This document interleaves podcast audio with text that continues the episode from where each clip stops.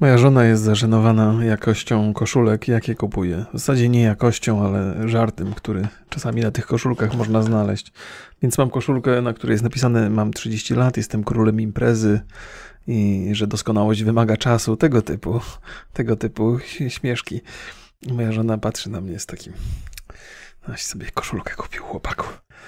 No ale przecież kupiłem sobie też koszulkę, mam 50 lat i że, że się starzeję jak whisky, czy coś tam, nie? Więc uważam, że to są zabawne rzeczy. To nie jest tak, że chodzę na imprezy rodzinne w takich koszulkach dziwnych. Albo ze Spidermanem, albo z Punisherem. No nie, nie jest tak. Czasami właśnie gdzieś tam do domu na streama sobie kupię, bo, bo są to zabawne koszulki. To jest bardzo ciekawe. Moja żona mi sugeruje mocno, że powinienem chodzić w krótkich spodenkach i to jest dla niej ok w, w obliczu takiego dżentelmena, jakim jestem, ale koszulka z jakimś głupim napisem to już mi nie przystoi. No nie, nie, to jest jakieś nieporozumienie. Dzisiaj jechałem z żoną do sklepu, e, co było e, jakby Następstwem tego wyjazdu do sklepu były oczywiście moje nie do końca udane wedle niej zakupy, ale e, rozśmieszyłem ją tak, że się popłakała podczas, podczas jazdy samochodem i potem na mnie nakrzyczała, że nie mogę jej tak denerwować podczas jazdy, bo ona nie widzi, e, co się dzieje i że się jej makijaż rozmazał. I no co mam zrobić? Taki jestem zabawny, proszę Państwa, najwyraźniej. Nie no, jeszcze to jest chyba. E, jeżeli nikogo nie jesteście w stanie rozbawić, to nic się nie dzieje, tak długo jak jesteście w stanie rozbawić swoją własną rodzinę. Nie? To jest dobry znak, więc. Więc moja żona popłakała się ze śmiechu, a to jest e, też dodatkowo zabawne, bo trochę wyśmiewałem jej umiejętności jazdy samochodem, że za późno kierunkowskaz włącza, że, że za późno hamuje i tak dalej, i tak dalej. Na szczęście ją to rozbawiło, bo nie każdy jest taki, nie każdy ma taki dystans do siebie, ale to też w przypadku mojej żony to jest kwestia konkretnego dnia, e, że dzisiaj się śmiała, a na przykład innego dnia byłaby wściekła na takie moje żarciki. No ale ja też potrafię rozpoznać jej nastrój, więc trafiłem jak śliwka w kompot. Tak się mówi? Nie, chyba tak się nie mówi. Nie wiem, czy to znaczy, że dobrze trafiłem, czy to znaczy, że źle trafiłem. Trafiłem dobrze, że wszystko było jasne. Co tam u Państwa? Wszystko dobrze? Nie wiem, na jak długo wpadłem dzisiaj, bo moja córka zaraz wraca z przedszkola. Ja zawsze wybiegam, żeby ją przywitać i zawsze staram się z radością ją witać, żeby miała taki, mm, taki, takie poczucie ogromnego entuzjazmu, kiedy wraca do domu. Nie? To taki się wyrabia odruch Pawłowa w dziecku, być może. Nie wiem. Myślę, że to może być przyjemne, jeżeli ktoś cię z serdecznością wita, nie? Po przyjściu do domu. A moja córka ma ostatnio humory nie najlepsze, bo Wieczorem bardzo ciężko jest nam ją położyć spać, opiera się strasznie, nie chce iść spać, w rezultacie nie wysypia się i cały dzień jest niewyspana i, i wkurzona. I to, I to widać. A to jest też taki wiek, że przekonać pięciolatkę, żeby się zdrzemnęła na chwilę, to nie ma szans. Nie, nie ma szans. Odbiera to jako oznakę wrogości i ataku na jej własne, własną wolność i muszę trochę przesunąć paski, bo za, za jasno mam w pokoju. E, paski muszę napięcie przesunąć. No więc się nie da jej położyć, w rezultacie jest wkurzona bardzo często, jęczy i chodzi i och. I moja żona też jest wkurzona, no bo wiadomo, takie jęczące towarzystwo jest średnio przyjemne. Dzwoni dzisiaj do mnie babka z T-Mobile, bo tam mam telefon. Dzwoni do mnie i mnie zaczyna weryfikować, jak się pan nazywa. No, albo jak się nazywa pańska firma, albo jak pan dostaje faktury. I ja, ja mówię, tu nie wiem, tam nie pamiętam, czemu mnie pani pyta o nazwisko, to pani do mnie dzwoni. I w końcu mnie pyta, to jaki jest NIP pańskiej firmy. Mówię, co? Nie powiem pani, jaki jest NIP mojej firmy. To czemu pani mnie wypytuje o takie rzeczy? A, bo tam y, ma ofertę dla mnie i musi zweryfikować, czy ktoś inny nie odebrał mojego telefonu. Ja mówię, wie pani co, to tak się biznesów nie prowadzi, nie? Jeżeli ma pani dla mnie ofertę, to proszę ją przedstawić. Jeżeli ja się zgodzę na tą ofertę, to może zaczniemy weryfikację, nie? Kim ja jestem. A nie tak. Y, zastanawiamy się, te wszystkie mechanizmy, które, które oni y, wprowadzają podczas rozmów, rozmów z klientem albo z potencjalnym klientem, są na pewno przemyślane i przy, przystosowane, żeby osiągnąć jak najlepszy efekt. Zastanawiam się, czy ta kolejność weryfikacji ma jakieś znaczenie. To znaczy, jak już zmęczą człowieka do tego stopnia, żeby przekazał wszystkie swoje dane, w rozmowie z niezidentyfikowaną osobą, no to już potem może przyjmie tę ofertę już dla świętego spokoju, nie? Jak już tyle oddał, to może odda i to. Nie wiem. A może po prostu taki mają ktoś to ułożył w ten sposób, w tej kolejności i, tylko irytują. Ale to się wkurzyłem i nakrzyczałem na babkę, już pewnie za szybko do mnie nie zadzwoni. To nie jest jej wina, ale z drugiej strony to też nie jest moja wina, nie? Ja nie potrafię łagodnie e, rozmawiać, kiedy mnie coś wpienia. Muszę, muszę jakoś, nie, nie potrafię sobie z tym poradzić. Ja wiele razy opowiadałem Państwu, że jeżeli mam jakieś zastrzeżenia do czyjegoś zachowania i zgłaszam te za, zastrzeżenia publicznie albo głośno i wyraźnie, to, to sprawiam wrażenie agresywnej osoby. Nie potrafię tego jakoś tak łagodnie opowiedzieć. Zaraz mi się jakiś taki. Nie jestem wewnętrznie wkurzony, tylko jestem tak wewnętrznie trochę roztrzęsiony tym faktem. I to wewnętrzne roztrzęsienie pewnie jest widoczne także dla rozmówcy, jest to odbierane jako, jako forma agresji. Już miałem parę takich sytuacji. Tak czy inaczej, ochrzaniłem tą babkę i mówię, to może ja panią zweryfikuję, nie? To od tego zacznie pani do mnie dzwoni, to ja nie wiem, kim pani jest. Wypytuje mnie pani o rzeczy związane z moją firmą, a ja może nie chcę się dzielić ob z obcą osobą takimi informacjami. Ona mówi, no ale przecież dzwonię do pana zweryfikowanego numeru y, T-Mobile. Ja patrzę na ten numer, dla mnie to jest zwykły, zwyczajny numer. On nie jest jakoś specjalnie opisany w moim telefonie, po prostu kilka cyferek po kolei. Może więcej zer niż typowo, ale ten telefon nic dla mnie nie znaczy. To do każdego tak można zadzwonić i wyciągnąć od niego masę danych, nie? Chociaż z reguły chyba tego typu skamy telefoniczne odbywają się przy użyciu e, męskich głosów. Nie wiedzieć czemu. Eee, może męskie głosy wzbudzają większe zaufanie albo coś? Trudno mi powiedzieć. Trudno mi powiedzieć, tak czy inaczej. Tak czy inaczej, nie sądzę, że to był skam, to raczej była babka z T-Mobile, ale nie podoba mi się, że ktoś do mnie dzwoni i mnie wypytuje o rzeczy, które są moje, co to w ogóle za pomysł? Co to za, za... Dzwoni do mnie i mnie wypytuje. No jakim prawem? Żebym ja się... Bo on się, ona się chce upewnić, że rozmawia z odpowiednią osobą. Odebrałem telefon, czyli mój telefon, nie? Teraz. Jak będę wydawał pieniądze nie swoje, to wtedy niech mnie weryfikuje, a nie chamstwo. Równomieszczaństwo. No nie podoba mi się to, ale to chyba jest też taka uniwersalna metoda, żeby uniknąć problemów wszelakich, y, bo to, to, to nie ma tak, że ktoś dzwoni do was i, i każe wam się legitymować i opowiadać o sobie i podawać hasła, albo, albo NIP firmy, albo, albo inne takie rzeczy. Chyba pierwsza rzecz, jaką mnie zapytała, to hasło jakieś do... To, to była śmierć. Nie, nie, jestem pewny, czy mnie zapytała o hasło, yy, ale to, to cuchnie na, na kilometr, nie? Pytanie o hasło. Nigdy się nie pyta o hasło. W tych wszystkich serwisach internetowych zawsze się pojawiają informacje, że nigdy nasz pracownik nie zadzwoni i nie zapyta cię o hasło. Ale, żeby wszystko było jasne, nie jestem pewny, czy mnie o to hasło pytała, czy nie. Więc, więc może tu już sobie jakoś to, yy, może jakoś to sobie tak wyobraziłem, bo nasza wyobraźnia podpowiada nam różne rzeczy. Tak czy inaczej, przerażająco dużo pytań zostało mi zadane, na żadne nie odpowiedziałem i trochę jestem z siebie dumny.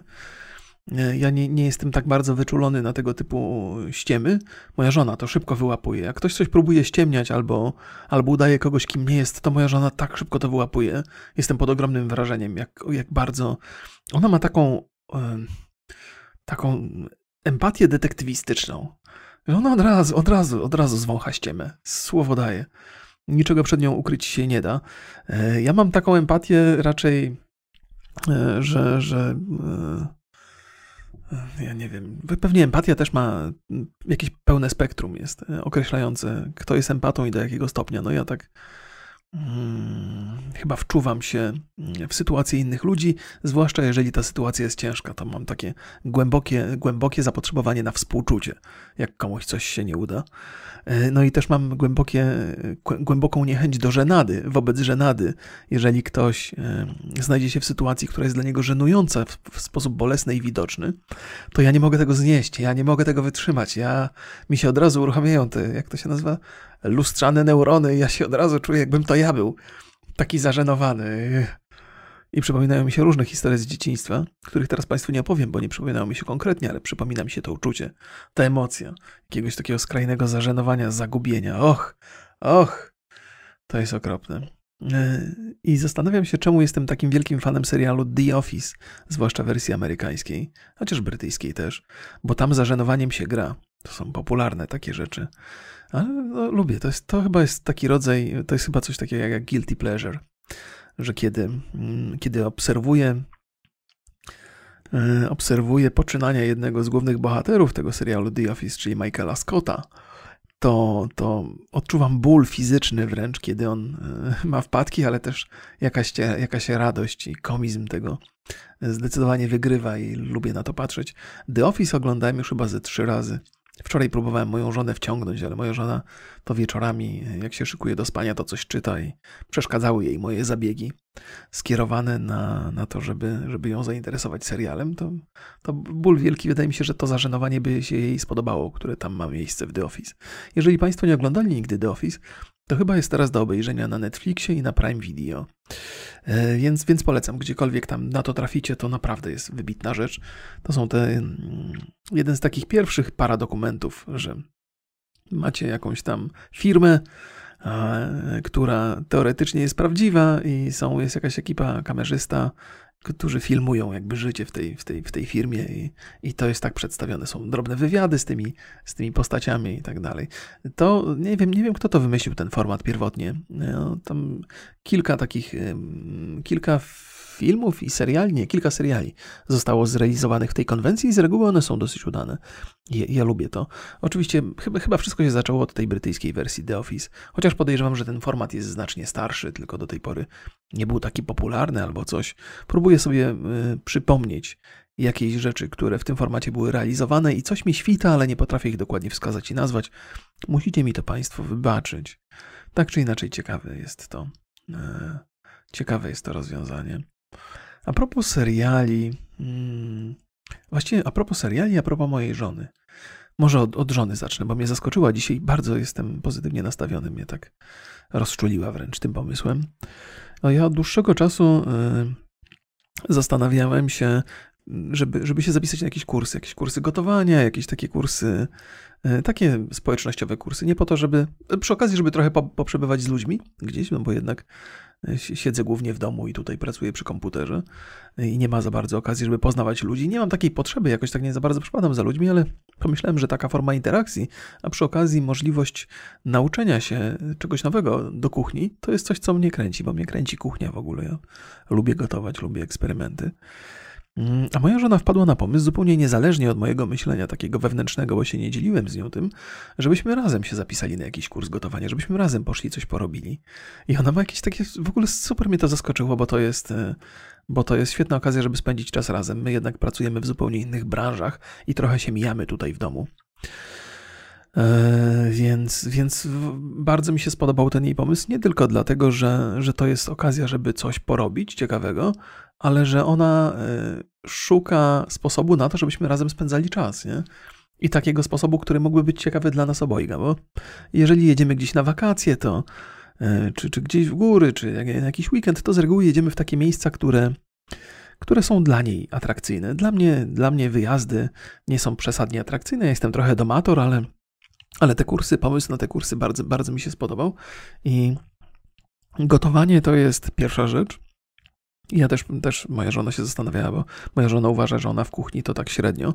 Ja natomiast uważam, że w kuchni jestem całkiem zaawansowany, więc na jaki kurs powinniśmy pójść? Czy powinniśmy pójść na taki kurs y, totalnie dla, dla zielonych, czy też dla jakiś, jakiś bardziej zaawansowany? I zaproponowałem, żebyśmy raczej poszukali czegoś egzotycznego, takiego, gdzie każdy jest zielony, na przykład, nie wiem, sushi, żebyśmy się nauczyli robić jakieś fajne, bo ja bardzo lubię sushi.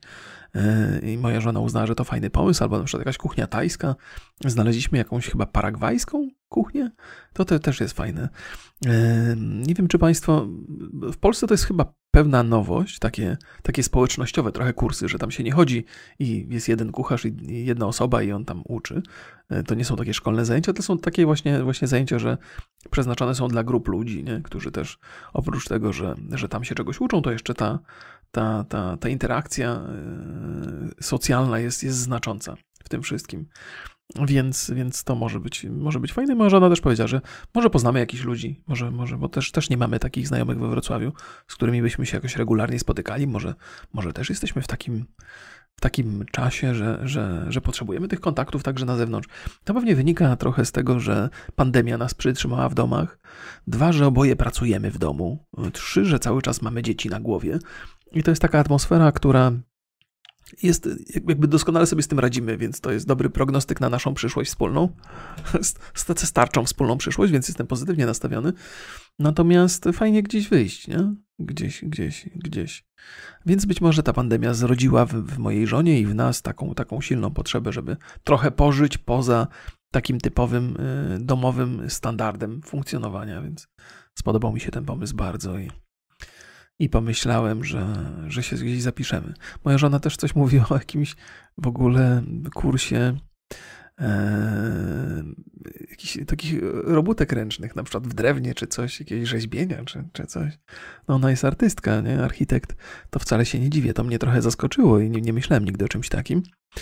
Ale jeżeli, e, jeżeli nam się spodobają te kursy, to myślę, że możemy różnych rzeczy próbować, bo to jest fajny sposób, żeby spędzać, e, spędzać czas razem, więc Jestem pod, y, pod bardzo pozytywnym wrażeniem tego, tej, tej, y, tego poszukiwania y, sposobu na to, żebyśmy czas spędzali razem, poszukiwania w wykonaniu mojej żony. No, no, no. Bo do tej pory miałem takie poczucie, że, yy, że po pierwsze, jeżeli spędzamy czas razem, to tak jak ona chce, i jeszcze ja mam to wymyślić. A teraz, teraz nagle, nagle się to odwróciło i sprawiło mi to dużo przyjemności. Wręcz poczułem się, jakby ktoś przyszedł i mi zrobił kanapkę, tak bez, bez, yy, bez proszenia się. Opowiadałem chyba o tym ostatnio, w ramach chyba w formie żartu, już nie wiem, czy opowiadałem o tym na, na podcaście, czy, czy opowiadałem o tym na live, że najlepsza rzecz, jaką kobieta może zrobić dla męża, to kanapkę mu, niezapowiedzianą kanapkę. Chyba, że mąż jest na diecie. Ja mam teraz takie.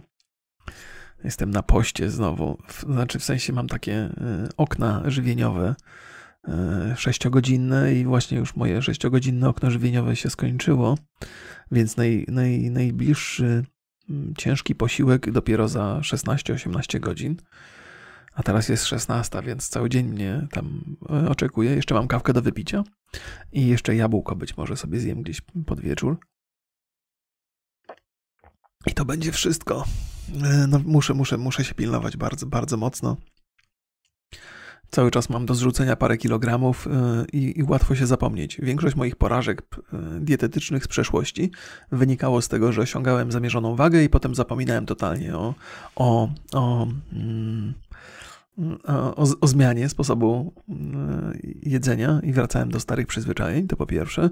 Po drugie, nie wchodziłem na wagę, żeby się gorzej nie poczuć. Więc teraz, teraz już pilnuję bardzo. Wchodzę na wagę codziennie i jeżeli tylko coś wychodzi poza, poza y, przygotowany przeze mnie margines, to natychmiast się dyscyplinuję i, i, i zmieniam swoje podejście do odżywiania się. No, ja się lubię dyscyplinować. W sensie to nie podchodzi pod masochizm, ale za każdym razem, jeżeli chcemy, mamy ochotę na coś innego, ale oprzemy się tej ochocie, kiedy ona jest y, obiektywnie negatywna, to, to sprawia jakąś frajdę. Też mówiłem o tym ostatnio. To jest szansa, że będę się powtarzał, proszę Państwa, bo cóż to. Y, bo czemu nie? Bo jakże mogłoby być inaczej? Jakże można, mogłoby być inaczej? Moje życie też tak nie obfituje w ciekawe przeżycia. Chociaż, kto wie, prawie dzisiaj mieliśmy wypadek, bo rozśmieszyłem żonę do tego stopnia, że się popłakała ze śmiechu. E, podczas jazdy samochodem. Hmm. Proszę Państwa, w czerwcu wchodzi Disney Plus do Polski. E, I to jest coś, co sprawia mi sporo przyjemności. Żeby wszystko było jasne, nie jest to podcast sponsorowany przez kogokolwiek, to jest przyjemność, która wynika z tego, że faktycznie ją odczuwam. E, ja korzystam z Disney Plus od jakiegoś czasu. Borys mi udostępnia, e, współdzieli ze mną konto, e, co nie jest tak łatwo zrobić konto, więc się cieszę, że mam do niego dostęp. Obejrzałem sobie sporo rzeczy, ostatnio Moon Knighta i, i muszę przyznać, że, że to jest taki, w ogóle Disney Plus to jest taka bardzo oferta dla nerdów. Tam jest dużo Star Warsów, jest dużo superbohaterstwa, no wiecie, to nie każdemu to podchodzi, ale ja jestem nerdem z historią, e, więc, więc cieszy mnie bardzo, cieszy mnie bardzo ten, ten, ta usługa. I tam jest mnóstwo takich rzeczy, które, które tak odmurzająco relaksują. E, ostatnio oglądałem Moon Knighta, Różne są opinie na jego temat, ale ja się bawiłem bardzo dobrze. Podobało mi się. Bardzo mi się podoba to, że Disney sobie pozwala na takie eksperymenty w ramach tego kina superbohaterskiego, które z reguły jest bardzo sztampowe, natomiast oni eksperymentują niezwykle mocno w serialach. Tak naprawdę, naprawdę skrajne rzeczy tam wymyślają i to się z reguły bardzo dobrze sprawdza i cieszy mnie to. Cieszy mnie to, bo na kinie superbohaterskim się nieźle zarabia cały czas i w zasadzie nie trzeba się starać jakoś bardzo, żeby robić te filmy wybitnie. One oczywiście nie są wybitne, ale nadal, y, nadal są takie, są takie z rozrywkowego punktu widzenia wartościowe. E, Martin Scorsese powiedział, że te, te wszystkie superbohaterskie filmy to jest taki bardziej park rozrywki niż kino i ludzie trochę mu e, trochę mieli złość i żałość wobec niego, że tak powiedział I, i, ja być może też miałem taki niesmak trochę, ale potem zacząłem sobie myśleć, że to nie jest takie, takie złe określenie. No. To nie musimy, nie musimy superbohaterskiego kina określać mianem kina, żebyśmy się dobrze na nim bawili. To tak jakby trochę żeśmy się poczuli, ci, ci nerdowie, jakby nam ktoś oderwał, odebrał, e, odebrał e, powód do radości.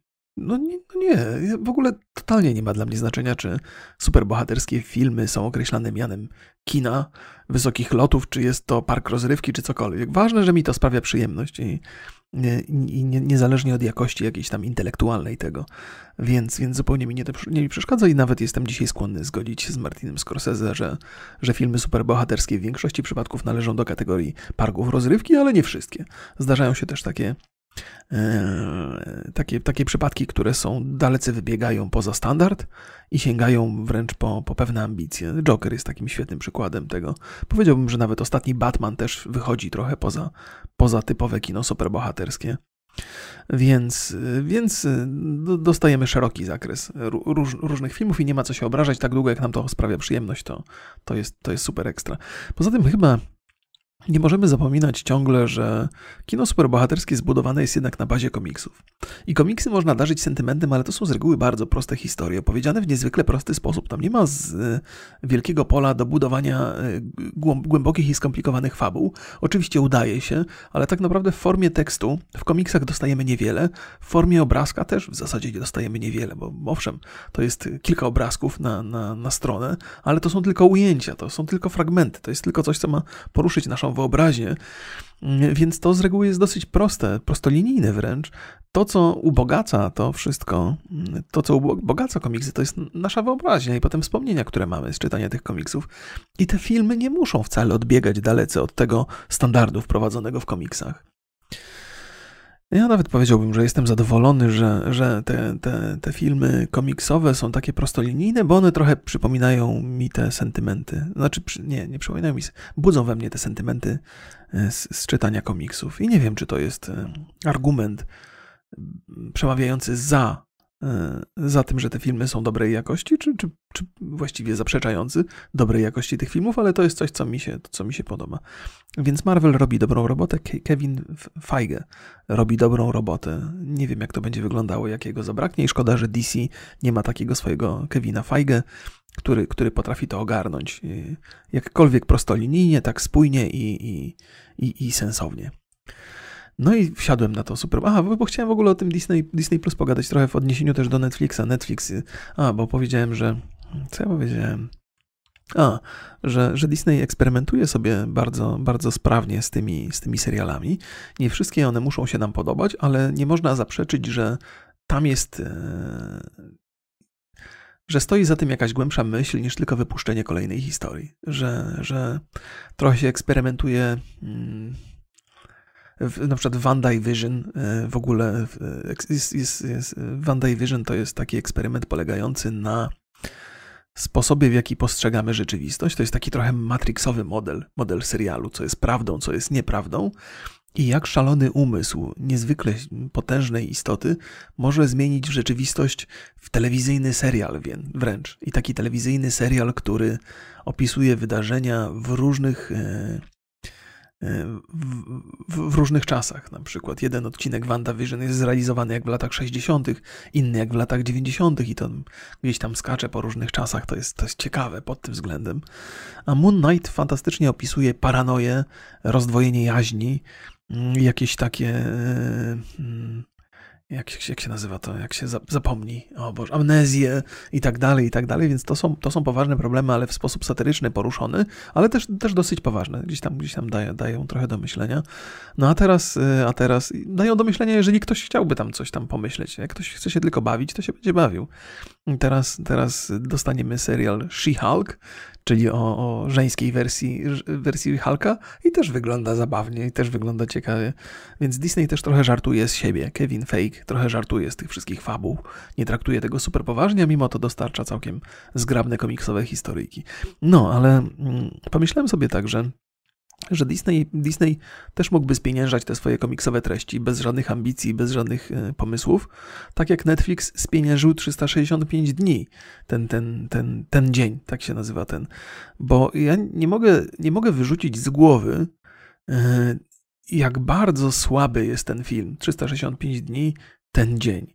Jak bardzo słaby jest. E, kiedy, kiedy oglądając pierwszą część filmu z potrzeby podcastu, doszedłem do wniosku, że to jest najgorsza, najgorszy film, jaki oglądałem w życiu, to nie przyszło mi do głowy, że dwa lata później, czy tam rok później, Netflix wypuści jeszcze coś gorszego. Że kiedy, kiedy 365 dni to jest film, który totalnie leżał na dnie e, jakościowym filmów, to nagle się okazało, że trzeba skoczyć po saperkę i po, po, wykopać w tym dnie głęboką dziurę, bo tam jeszcze jest kolejny film, który nazywa się 365 dni ten dzień. I myślę sobie tak, że, że jakby rozumiem, że, że ten film się bardzo dobrze sprawdza na Netflixie, że ludzie go będą oglądali, że to się zwróci, ale, ale nawet, nawet jakby w porównaniu do Disneya, to jeżeli coś się zwróci i jeżeli coś dobrze na siebie zarobi, to dlaczego przy okazji nie zrobić tego, chociaż spróbować zrobić tego dobrze? Dlaczego, dlaczego Netflix dopuszcza taką hałturę i przepuszcza ją tylko dlatego, że ona się zwraca finansowo? Można właściwie dwa gołębie strącić jednym kamieniem tutaj. W sensie można, można wypuścić coś, co się będzie oglądało, a przy okazji coś, co może próbować chociaż udawać film. No więc, więc to jest coś takiego, co co ja trochę miałem takiego zaufania wobec Netflixa do tej pory. W sensie wydawało mi się, że e, zważywszy na ilość rzeczy, które oni produkują, to większość z nich musi być słaba. Tak to już jest statystycznie. Natomiast będzie zawsze jakaś taka część e, rzeczy, która jest niezła. Tyle tylko, mm, też statystycznie, nie? Tyle tylko, że jeżeli się obniża standard e, do tego stopnia, żeby wypuścić taki, taki, takie dno jak 365 dni, to ten standard dzieł wyższej jakości też już jest niższy. Nie? Bo to wszystko, cały ten wykres się przesunął fatalnie w dół. Więc y, to też mówiłem parę razy. Jedyne, co mnie dzisiaj trzyma przy Netflixie, to stand-upy, które mają, bo pod względem stand-upów y, fantastycznie Netflix się realizuje, przejął ten rynek stand-upów bardzo mocno y, i przejął go skutecznie od Comedy Central, przejął go od HBO i realizuje te specjale i płaci bardzo dobrze tym stand-uperom za to i, i to, to, jest, to jest fajna rzecz. Jeżeli ktoś lubi zwłaszcza amerykański stand-up, to na Netflixie się odnajdzie. Tam są takie rzeczy, które ja oglądam wiele, wiele, wiele razy. I po, po, opowiem Państwu trochę o tym, bo mm, ten rynek stand-uperów amerykańskich interesuje mnie także z perspektywy podcastowej. Bo ja lubię podcasty, wierzę w podcasty bardzo mocno. Nie tylko w mój osobisty, nie tylko w Rocky Borys, ale też e, widzę swoją przyszłość jako jako ktoś, kto mógłby realizować więcej podcastów, nie zawsze ze swoim udziałem, ale, ale widzę siebie jako kogoś, kto poznał na tyle ten, ten rynek i zrozumiał być może za jakiś czas na tyle, żeby móc, móc założyć jakieś studio, które zajmuje się produkcją podcastów i, i wspieraniem ludzi, którzy chcą je robić i, i, i może, może, może, może mm, sięgnę po to i może będę miał wiedzę i umiejętności, a na pewno ambicje będę miał, żeby coś takiego realizować. No i, no i, no i z tego też względu stand-upy amerykańskie mnie interesują, ponieważ większość stand-uperów ma swoje podcasty. Więc zerkam na te podcasty, patrzę, e, kto robi je dobrze, kto robi je źle, co z tych stand-upów przenosi na te podcasty, w jaki sposób oni to realizują, jak wygląda studio.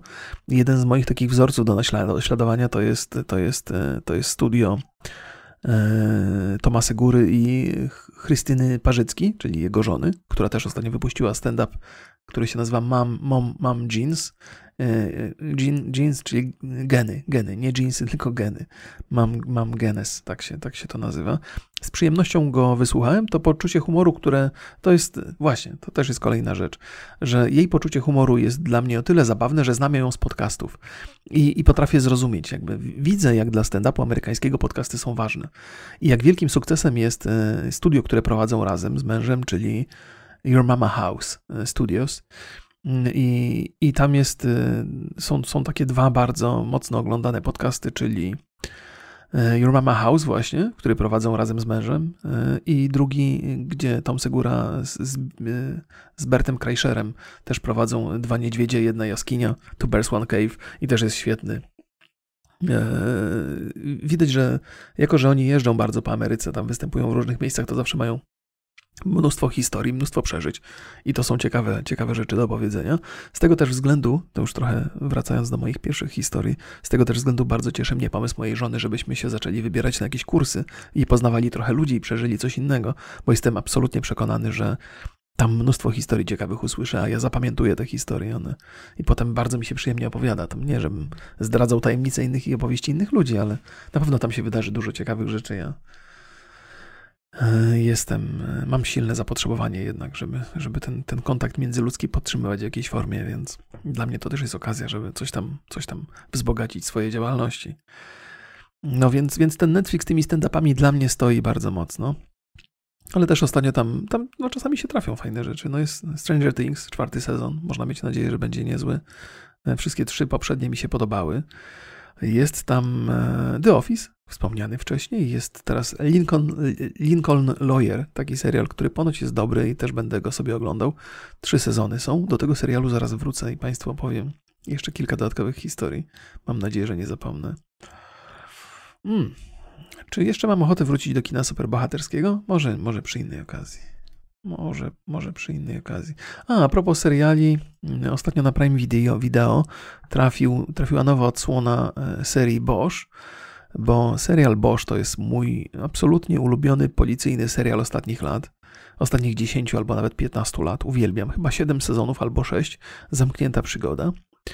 E, a teraz pojawił się nowy, nowy serial Bosch Legacy który opowiada historię tego byłego policjanta już i jego córki, która została policjantką. I zastanawiam się, jak ta historia się potoczy. Pierwszy sezon nie był tak dobry jak poprzednie siedem y, w ramach samego Boscha, ale ma potencjał i może być interesujący, więc, więc dobrze spędziłem czas oglądając. Polecam Państwu gorąco przede wszystkim Boscha, to przy każdej możliwej okazji jak wam, e, jak się okaże, że już mam taką umowę z, z ludźmi na Twitchu, że jeżeli polecę im coś, co im się wyda atrakcyjne e, i spędzą przy tym miło czas, to mają potem obowiązek kupienia suba u mnie. I niektórzy dotrzymują słowa. Przychodzą i mówią, poleciłeś mi Boscha, e, no to teraz kupuję suba w nagrodę. Ja mówię, okej, okay, fajnie. Więc od czasu do czasu coś Państwu polecę, takiego, czego jestem absolutnie pewien i Bosch taki jest. Często o nim opowiadam. W ogóle Prime Video to jest taka kolejny serwis, który ma niewiele treści, ale potrafią tam trafić zaskakująco, zaskakująco dobre. Od czasu do czasu muszę sobie taki segment przygotowywać tutaj i e, opowiadać Państwu o serialach i o innych takich. O, subskrypcja mi wyskoczyła. A propos, mam, mam do nagrywania tego podcastu używam tych samych narzędzi co do prowadzenia live'a i ktoś mnie czasem zasubskrybuje, kiedy nie ma live'a nawet. Taki jestem. Tak Państwu jestem w stanie utkwić w pamięci. Mm. Co chciałem. No właśnie, właśnie, właśnie. Y, to jest coś, co polecałem parę razy, ale, ale być może Państwu umknęło. Wiem z własnego doświadczenia, że pewne rzeczy warto polecać kilka razy, żeby mieć pewność, że każdy mm, skorzysta z tego dobrego polecenia. Więc y, skoro żeśmy mówili o stand-upach y, na Netflixie, to mam Państwu do przedstawienia trzech twórców, o których mówię od niedawna. Po pierwsze, Mark Maron. Są dwa stand-upy jego na, na Netflixie. Y, odkryłem go jakieś 2-3 miesiące temu i już parę razy przesłuchałem te stand-upy, bardzo dobrze się przy nich bawiłem. Jest Tom Papa. Tom Papa to już jest stand-uper, który jest wiekowy i, chyba pierwszy jego specjal jest dostępny na Spotify'u, to chyba z 2003 roku. Mm, chyba tak, ale na pewno du dużo dłużej on funkcjonuje już w tym stand-upie amerykańskim, ale odkryłem go niedawno, mimo że nazwisko jest, wydaje mi się, znajome. Więc na Netflixie jest jego ostatni stand-up. E, Tom Papa, tak się pisze, jak się, jak się mówi. Nie wiem, czy 2P gdzieś tam nie występuje w nazwisku, ale to sobie znajdziecie, jak sobie wpiszecie Tom Papa. Bardzo zabawny, bardzo zabawny facet. Przypomina trochę e, Jerego Seinfelda, jeżeli chodzi o sposób przedstawiania żartów. Jest taki spokojny, taki flegmatyczny czasami, ale, ale tak opowiada o życiu w bardzo prostolinijny i zabawny sposób. Nie ma tam jakichś przesadnych wulgaryzmów. E, na Spotify'u są dostępne trzy jego stand-upy, na, na Netflixie jest ostatni i ten ostatni jest najlepszy moim zdaniem. E, być może dlatego, że jest najbliższym nam. Nie? Stand-upy też się starzeją. Tematy, zwłaszcza polityczne, które były poruszane tam 20 lat temu, trochę straciły na, na świeżości dzisiaj i, i, są, i są inne, ale większość stand-upów ma chyba tą, przez dosyć długo zachowuje świeżość, ponieważ bardzo często opisuje ludzką naturę, a ta się nie zmienia tak szybko, jakby się nam wydawało, że się zmienia. Społeczeństwo się zmienia, ludzka natura po pozostaje ludzka. No i na koniec moja oblubienica, nie, nie wiem, czy to można powiedzieć, moja ulubienica, oblubienica to nie, moja ulubienica ostatnio, bo e, imponuje mi strasznie, bo jest e, dziewczyna niezwykle młoda, ona ma 26 lat teraz, na Netflixie są jej dwa stand-upy. Nazywa się Taylor Tomilson i super ekstra, super ekstra. Nie, nie często jakoś tak e, trafiam na, na e, stand-uperki, z którymi e, znajduję wspólną falę, jeżeli chodzi o poczucie humoru. Z, mężczyznami mi jakoś bardziej po drodze. Nie wynika to z szowinizmu, a może wynika to właśnie z szowinizmu. Trudno mi powiedzieć. Ale Taylor Tomilson jest absolutnie cudowna i uwielbiam. Też wiele razy przesłuchałem oba jej stand-upy i, i bawiłem się dobrze. Mm, nie, nie oznacza to, że jest to jedyna babka, która, którą, którą doceniłem i oglądałem na Netflixie. Nawet sobie zapiszę Netflix stand aperki, aperki poszukać, żebym Państwu podrzucił, żeby nie było, że ja jestem taki, właśnie, właśnie nie jestem, jest, jest wiele kobiet, które, które, których stand-upy mi się bardzo, bardzo podobały. E, ale rzadziej, rzadziej się trafiają, ale, ale są, ale są, ale są. Yy, Okej. Okay. Próbuję sobie przypomnieć, czy coś jestem w stanie wyciągnąć z głowy teraz na szybko? Chyba niespecjalnie. Chyba niespecjalnie. Yy, no. Yy, wracając trochę do tego Lincoln Lawyer, o którym wspominałem wcześniej, to powiem Państwu, że bardzo lubię, bardzo lubię te wszystkie seriale. Oj, przepraszam. E, które, które, których akcja dzieje, dzieje się na salach sądowych, bo tam e, głównym bohaterem tych seriali z reguły jest charyzma. Charyzma, jakiś taki spryt, jakieś takie potyczki werbalne, coś, co sprawia mi dużo frajdy, a coś, co e, jest trudne do.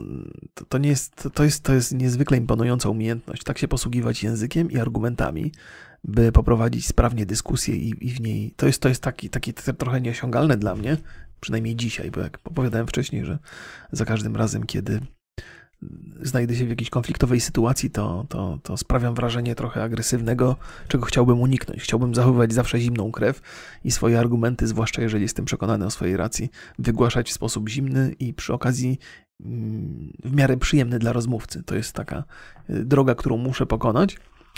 I zastanawiam się, czy wizyta u psychologa nie jest jakimś pomysłem, żeby, żeby, żeby jakoś tam dojść do środka. Bo wiem, że coś musi we mnie być nie tak. Coś musi we mnie siedzieć takiego, co mnie blokuje przy tych, przy tych, przy tych kłótniach z innymi ludźmi. Nie, że się lubię kłócić, ale za każdym razem, jak się kłócę, to nie do końca idzie tak, jakbym chciał. A z reguły wszystko, co robię w życiu, odbywa się zgodnie z założonym planem i potrafię się trzymać tego planu i jestem taki analityczny bardzo. E, więc chciałbym też w rozmowach być taki analityczny i taki wyrachowany trochę, więc, więc szukam drogi.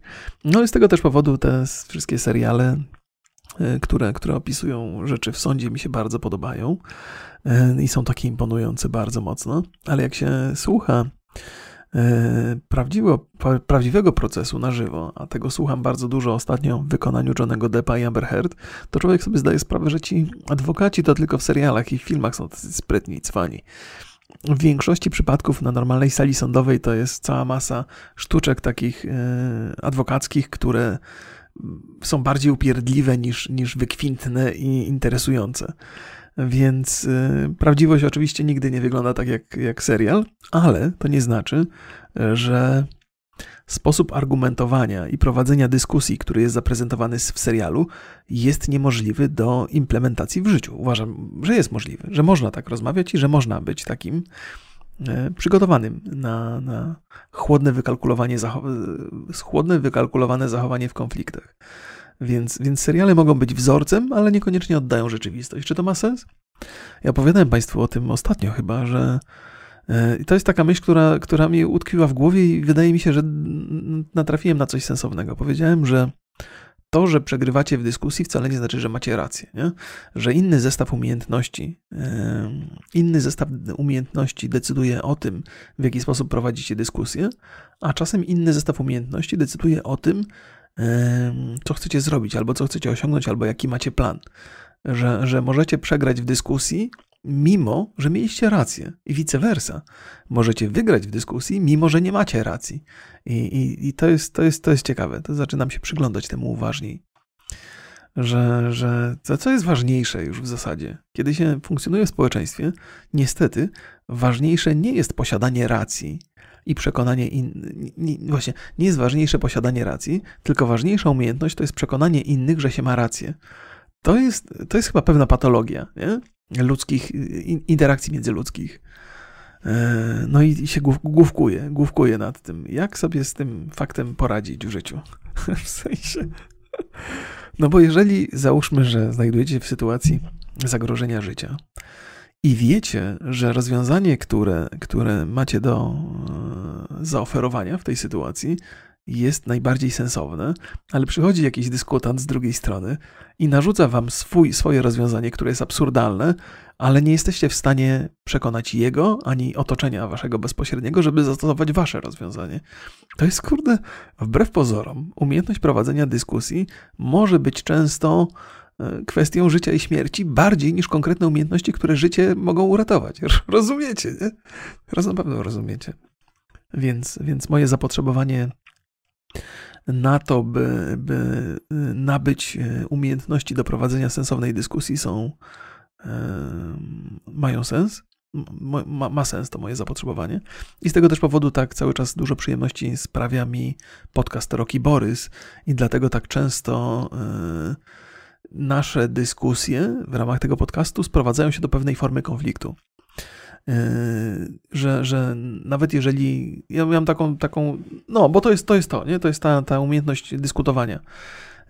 I ja i Borys, y, nie wiem czy to są nasze cechy, ale to są na pewno nasze cechy w kontaktach, które mamy ze sobą, że potrafimy mieć różne zdanie w jakiejś sprawie, a mimo to się dogadywać bardzo dobrze. Znaczy potrafimy się rozstać, mając e, skrajne poglądy w jakiejś konkretnej sprawie i nikt nie jest zły na nikogo. W związku z tym to jest taka umiejętność, która powiedziałbym w internecie umarła już. E, więc, więc myślę, że jest to umiejętność warta polecenia i warta propagowania. I myślę też często, że ludzie zapominają, komentując nasze dyskusje, o tym, że my jednak się dogadujemy i stają czasami w taki sposób bardzo twardy, bardzo toksyczny po jednej ze stron, albo odnosząc się bardzo krzywdząco wobec opinii Borysa, albo bardzo krzywdząco wobec mojej opinii. I mój wniosek wtedy jest taki, że kurde, Podjęliśmy dyskusję, ale ludzie, dla których ta dyskusja była wyprodukowana, nie załapali jakby najważniejszego argumentu w tym wszystkim, nie? że nie chodzi o to, która strona wygra w dyskusji, tylko chodzi o to, by móc prowadzić dyskusję mimo skrajnie odmiennych zdań i ostatecznie się dogadywać i dochodzić do porozumienia. Nawet jeżeli porozumienie nie polega na tym, że okej, okay, zgadzam się z tobą, albo okej, okay, ty, mia ty miałeś rację, ale porozumienie polega na tym, że okej, okay, ty zostajesz ze swoimi poglądami, ja zostaję ze swoimi i dalej możemy robić i funkcjonować razem. Nie? To jest taka cenna wiedza, którą, to jest chyba najcenniejsza rzecz, którą można czerpać z podcastu Roki Borys, bo jakby nasza wiedza wiedza w niektórych sprawach może być ograniczona. Zresztą zawsze jest tak, że niezależnie od tego, jak bardzo się człowiek przygotuje do jakiegoś podcastu, to zawsze znajdzie się ktoś, kto, kto wie więcej. Z reguły dużo komentujących na YouTubie z definicji wie, albo uważa, że wie więcej, nawet jeżeli nie mają podstaw, by wiedzieć, że wiedzą więcej. Tak, tak to już jest.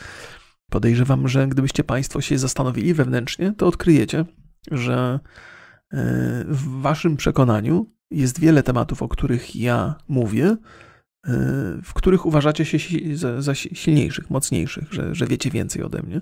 Może jest to prawda, może niekoniecznie, może to jest taka łuda, może to jest taka iluzja.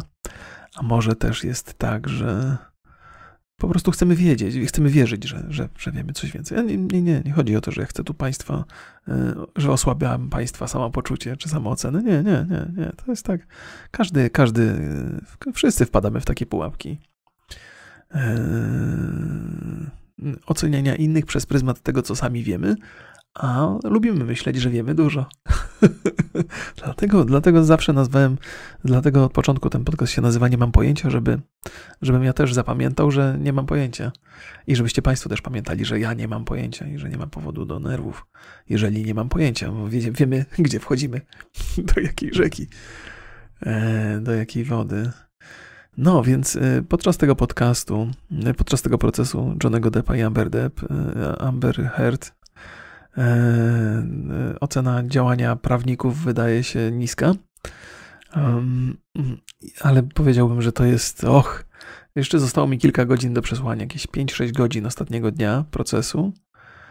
E, I przesłucham to wszystko, bo mnie to tak interesuje bardzo. Raz z tego, z tego z tej perspektywy prawniczej, jak ci prawnicy, bo jakby jako, że przesłuchałem cały ten proces od początku, mam jakieś tam opinie, to rozumiem też, jaki, jak, jakimi metodami ci prawnicy się posługują, co chcą uzyskać i jakimi sposobami dążą do, do, do jakby wskazania konkretnego stanowiska, to jest y, bardzo interesujące. Dwa, to też z takiego popkulturowego punktu widzenia jest ciekawa, ciekawa relacja, bo po pierwsze, niezwykle mocno odkrywa to, w jaki sposób ludzie funkcjonują w Hollywood i to jest inny świat totalnie, w sensie jakby to jest dzicz jakaś kompletna, narkotyki, alkohol, jest tak bardzo na porządku dziennym, jak u mnie, nie wiem, E, jedzenie kabanosów, czy, czy robienie obiadu dla rodziny, czy coś, nie? To jest taka codzienność, aż absurdalna i ludzie opowiadają o, nie wiem, o wciąganiu kokainy, tak jakby mówili o tym, że dodali cukru sobie do, do, do, do herbaty, nie? To nawet nie, nie, nie widać i to nie mówię o bohaterach głównych tego, tego procesu, tylko o świadkach, przyjaciołach ich jednych albo drugich, osoby wzywane na świadków. Tam nie ma poczucia w ogóle, że wydarzyło się coś niewłaściwego, nie? Gdzie wszyscy byli naćpani, napici tak totalnie, że ledwo kto pamięta imprezę i wszyscy o tym opowiadają z pełną otwartością. Nie? Oczywiście, że jest w tym dużo racji. Amerykanie na pewno mają tą skłonność do, żyją tak, jak mają ochotę i nie wstydzą się tego. Pewnie nie wszyscy, ale to jest dobre podejście, nie? Jeżeli robisz coś w życiu, to się tego nie wstydź, a jeżeli się tego wstydzisz, to tego nie rób, nie? Ma to sens? No wtedy przynajmniej człowiek jest zgodny ze sobą. Jeżeli, ja mojemu synowi zawsze to mówię, jeżeli, e, jeżeli robisz coś, ale wiesz, że nie powinieneś tego robić, to weź tego nie rób, nie? Każdy, każdy, ma, każdy ma wewnętrzną taką każdy ma wewnętrzną jakąś taką cenzurę, czy jakąś barierę, czy jakiegoś anioła stróża, który mówi, że nie, to nie, tego lepiej nie. Trzeba słuchać siebie po prostu. Tak, tak mi się wydaje. E, no, słuchanie siebie to jest, to, jest, to jest cenna w ogóle rzecz. Nieważne, co się robi, co się myśli, jak się funkcjonuje. No, ale, ale sięgając trochę po ten proces, to powiem Państwu, że imponujący jest pod wieloma, wieloma względami. I bardzo jestem ciekaw, w jaką stronę się potoczy to wszystko, jaki będzie werdykt ostatecznie, bo w obliczu tych informacji, które do mnie trafiają, i niestety z męskiego punktu widzenia, więc to może być obarczone błędem, e, sytuacja Amber Heard jest nie do pozazdroszczenia. W sensie w tym znaczeniu, że jakby wielokrotnie e, została złapana na nie tyle na kłamstwie, co na manipulacjach i na jakimś fałszu. Jest mnóstwo nagrań, e, na których ona zachowuje się jakoś totalnie, totalnie jak, jak, jak, jak kompletnie szalona osoba, której trzeba unikać, od której trzeba uciekać, bo się robi agresywna. Więc jej sytuacja w ogóle mówić, że ona jest nie do pozazdroszczenia, to nie wypada, bo sobie zasłużyła, nie? Zapracowała, sama sobie naważyła tego piwa, więc teraz w ogóle jej nie współczuję, to nie o to chodzi. Ale nie, nie, to nie chciałbym się znaleźć w takiej sytuacji, gdzie nakłamałem strasznie, zrobiłem komuś krzywdę, a potem mnie złapali za rękę i pokazują tu zrobiłeś źle, tam zrobiłeś źle. To musi być bolesne doświadczenie. No Amber Heard teraz idzie w zaparte, to znaczy to jest, jest, jest, taka, jest taka kwestia, że pytają ją o to, czy mm, że policjanci, którzy się z nią spotkali, mówili, że nie było widać na niej śladów obrażeń, że na jej twarzy nie miała śladów obrażeń, więc Johnny Depp nie mógł jej pobić, nie? bo to jest jakby taki, że Johnny Depp ją pobił ciężką ręką uzbrojoną, bo tam pierścionki on ma jakieś takie ciężkie, więc ślady teoretycznie powinny zostać. Żadnych śladów nie było. Nie? I ona mówi, że policjanci nie powiedzieli o tym, że nie było śladów na jej twarzy, tylko że w ich mniemaniu te ślady, które miała, nie zasługiwały na miano obrażeń, albo że, że w ich mniemaniu te ślady nie, nie, nie były wystarczająco duże, albo coś, że one tam były, ale, ale policjanci źle zeznawali. Nie? I to jest tak, taka, taka.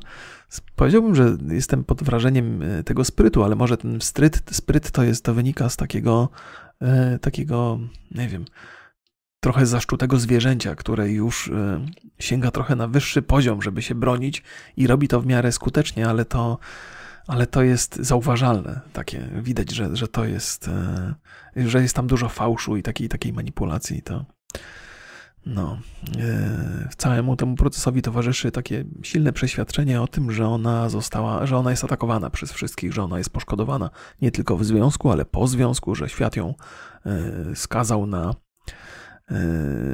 że świat ją już skazał wcześniej, że to ona, ona jest tą pokrzywdzoną w tym całym wydarzeniu, które miało miejsce. Tymczasem jakby totalnie zapominając, że że to Johnny Depp stracił pracę w tych filmach, że, że, że stracił kontrakty reklamowe i że tam się bardzo dużo takich, yy, że jego reputacja niezwykle mocno ucierpiała. Nie? To, to, jest, to, to jest dla niej zupełnie niezauważalne. Ona patrzy tylko przez pryzmat swoich własnych doświadczeń, które nijak się mają do tego, czego doświadczył Johnny Depp. No ale to jest tak, jeżeli ona uważa, że Johnny Depp jest winnym, więc on sobie zasłużył, natomiast ona jest niewinna, więc sobie nie zasłużyła i, i ten świat jej się tak układa, jak się układa. E, jeszcze jedna była taka kwestia, która mnie bardzo zainteresowała. Czy ja sobie ją teraz przypomnę? A, Właśnie, to jest jeden z, jedna z głównych linii obrony, bo, bo w tym przypadku mamy do czynienia z pozwem Johnego Deppa wobec Amber Heard, więc obro, bronią się, e, broni się Amber Heard i jej, jej adwokaci. Jedną z form obrony jest to, że Johnny Depp jest narkomanem. Nie? I jako narkoman jest niewiarygodny, i jako narkoman robi rzeczy skrajne i szkodliwe dla innych. Nie? Czyli nie próbują nawet przekonać wszystkich, że on jest agresywny, że ją bił, bo tego się nie da obronić. To znaczy nie ma żadnych dowodów na to, że jakakolwiek agresja tam miała miejsce i w przeszłości Johnego Deppa też nie było żadnych absolutnie takich spraw, bo on potrafi być bardzo toksyczny, bardzo nieprzyjemny i mówić rzeczy okropne ludziom pod wpływem narkotyków, ale to nie znaczy, że, się, że, że kogoś tam bije, atakuje, że to jest poza, poza jego w ogóle y, sposobem funkcjonowania.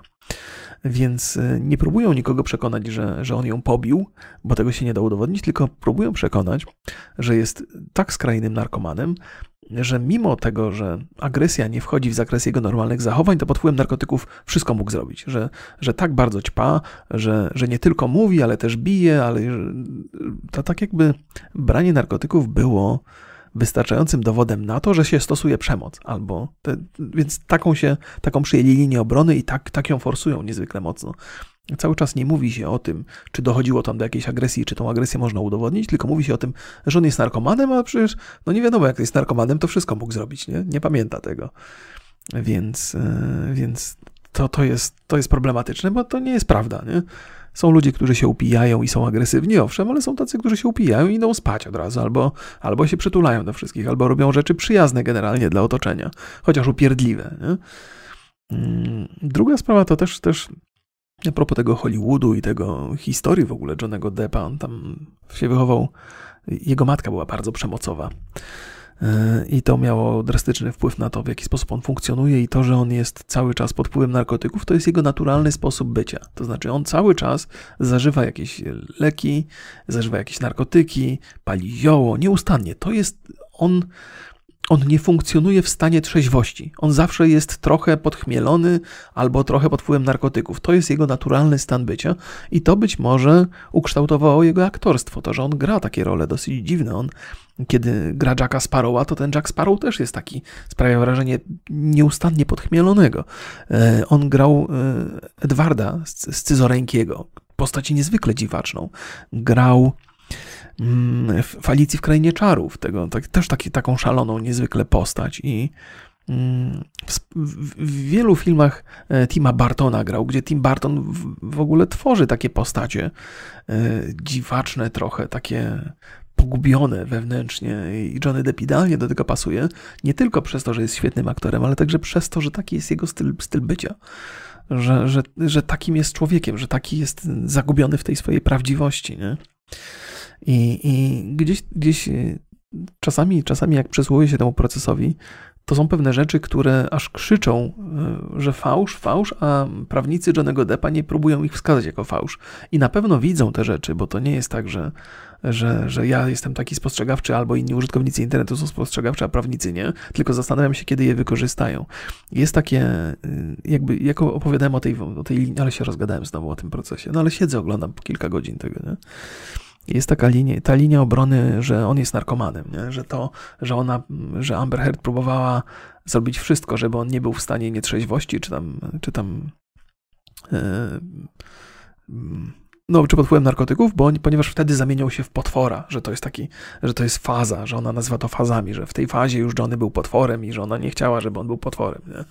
Więc, e, więc próbują to tak, że Amber Heard była tą osobą, która go broniła przed tymi narkotykami i że ta agresja, którą ona stosowała wobec niego, to po to, żeby go ratować. Nie? I takie, no, bo, bo ta jej agresja jest niezaprzeczalna, jest udowodniona, nie? jest potwierdzona przez świadków, przez nagrania i tak dalej, więc próbują to tak obrócić, że była agresywna wobec niego po to, żeby go bronić przed nim samym i ostatecznie, żeby się sama bronić, bo kiedy on się zamienia w potwora, no to także ją bije, chociaż to nie jest udokumentowane w żaden sposób.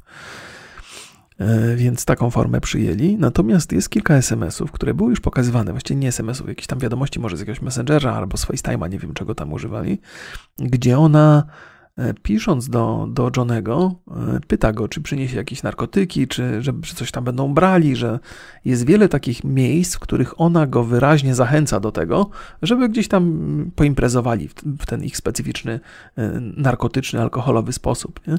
Więc cała ta, ta obrona jakby e, traci na wiarygodności, kiedy okazuje się, że w wielu przypadkach to ona go zachęcała. Po angielsku to jest e, enabling chyba, że ona była osobą, która go nakręcała trochę na, ta, na te narkotyki. Znaczy wielokrotnie, bo podejrzewam, że Johnny Depp to jego nie trzeba nakręcać przez te problemy z dzieciństwa i w ogóle styl, styl, styl życia jego.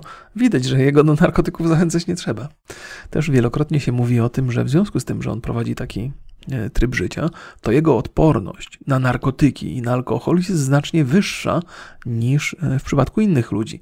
I że kiedy mamy do czynienia z taką sytuacją, że on bierze różne leki e, naraz i mówi w ramach żartu gdzieś tam, że no zobaczymy co będzie, nie? Bo to nie tak, że on to weźmie i się przekręci, tylko on to weźmie i faktycznie osiągnie jakiś inny poziom, na którym nie był wcześniej, bo, bo taka jest jego odporność. Nie? Tak jego organizm już się przy, przystosował do tych, do tych leków, do tych narkotyków, do tej kokainy, do tego alkoholu.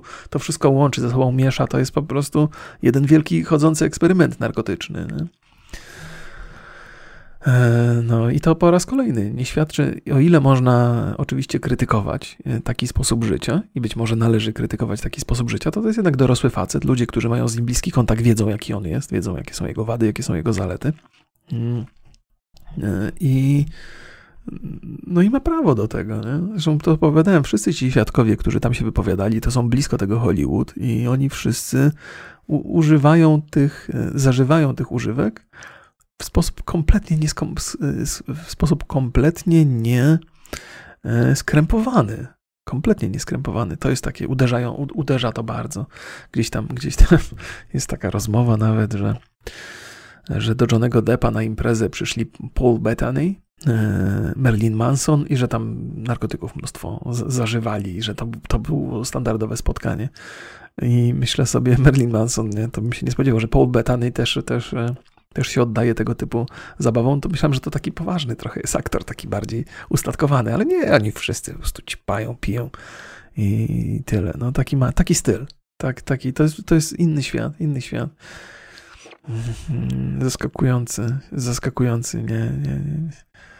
No i, i z, tego, z tego względu, z tego względu to także oglądam, że to otwiera trochę oczy na ten inny świat, bo nawet jeżeli ja jestem daleki od naiwności, chociaż można pewnie mieć takie spostrzeżenia na mój temat, że ja odkrywam coś, co jest jasne i wiadome od dawna, ale ekscytuję się tym jak małe dziecko, dlatego że w danym momencie to mi się wydaje ciekawe i interesujące. Nie dlatego, że tego nie wiem. O, ktoś do mnie napisał. Alert. Dziś silny wiatr i burze, możliwe przerwy w dostawie prądu. Zabezpiecz rzeczy, które może porwać wiatr, kurde. Przerwy w dostawie prądu to nie jest dobre. No, zegarek mi się naładował. Też dostałem raport telefoniczny o tym. E, no, burze w takie gorące dni to mogą być nieprzyjemne. Okej. Okay. Moja córka już chyba wróciła. No więc z dużym zainteresowaniem oglądam sobie te, te, te, te, te procesy I, i, i to jest, jest ciekawe tak spojrzeć na ten świat, który wydaje nam się taki oczywisty, że jest, że jest taki, e, że jest taki, jak to się mówi, szalony, taki trochę, e, rozpu- że tyle tam rozpusty jest, nie? Chociaż rozpusta to raczej do, dotyczy czynności seksualnych przeróżnych bardziej niż, niż alkoholu i narkotyków, ale, ale może. Może. No więc, że jest taki, taki dekadencki, też można powiedzieć. Nie wiem, czy to z dekadencją ma coś w, w sensie definicji wspólnego, ale tak mi się kojarzy. No, no i, i to, to, jest, to, jest, to jest świat, w którym na pewno my tu w Polsce nie funkcjonujemy, chociaż podejrzewam, że Warszawa i, i już nawet te imprezy youtuberów niektóre słynęły e, w, w, w zakrapianie i proszkowanie, więc, więc Warszawa, to środowisko aktorskie pewnie też gdzieś funkcjonuje na takich zasadach jak, jak, jak ten Hollywood. Pewnie nie, nie w takiej skali, bo to mm, tej bogatości pewnie nie ma aż takiej, nie? ale... E, no, inny świat, inny świat, inny świat. Z jednej strony taki trochę romantyczny, tak człowiekowi się wydaje, to musi być życie, nie? Nie martwić się o nic, nie mieć żadnych trosk, tylko ćpać, pić i bawić się i uprawiać seks. Ale, ale chyba rezultat jest taki, że ci ludzie są, potrafią być tak samo nieszczęśliwi jak my, a może nawet bardziej, jeżeli jesteśmy nieszczęśliwi oczywiście.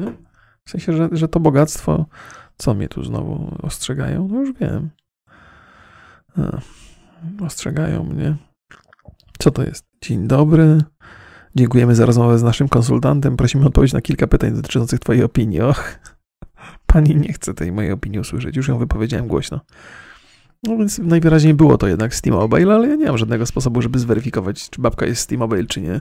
Nikt mnie nie będzie do mnie dzwonił, mnie pytał, jakie są nipy mojej firmy, jakie mam hasła, czy jak, w jaki sposób się loguję do serwisu, albo gdzie odbieram faktury. Co to ma być? Kurde, no. Nie? No, pozdrawiam Was bardzo serdecznie. Dziękuję za uwagę. Widzicie, godzinę posiedziałem z Wami. Moja córka już pewnie jest w domu, a może moja żona wiedziała, że ja nagrywam podcast i poszła z nią na przykład do parku, albo poszły na lody, czy coś. Zjadłem sobie lody. Już postanowiłem, że będę robił lody. Poeksperymentuję z lodami z Thermomixa, ale zamiast cukru sprawdzę trochę stewię, trochę erytrytu, erytrytolu i zobaczymy, czy uda się zrobić coś smacznego bez, bez obawy o niepotrzebne węglowodany i cukry, nie? Cukry będące węglowodanami, zdaje się, nie? Pozdrawiam Was bardzo serdecznie. Dziękuję za uwagę. Do usłyszenia, mam nadzieję, w niedalekiej przyszłości. Trzymajcie się. Pa, pa.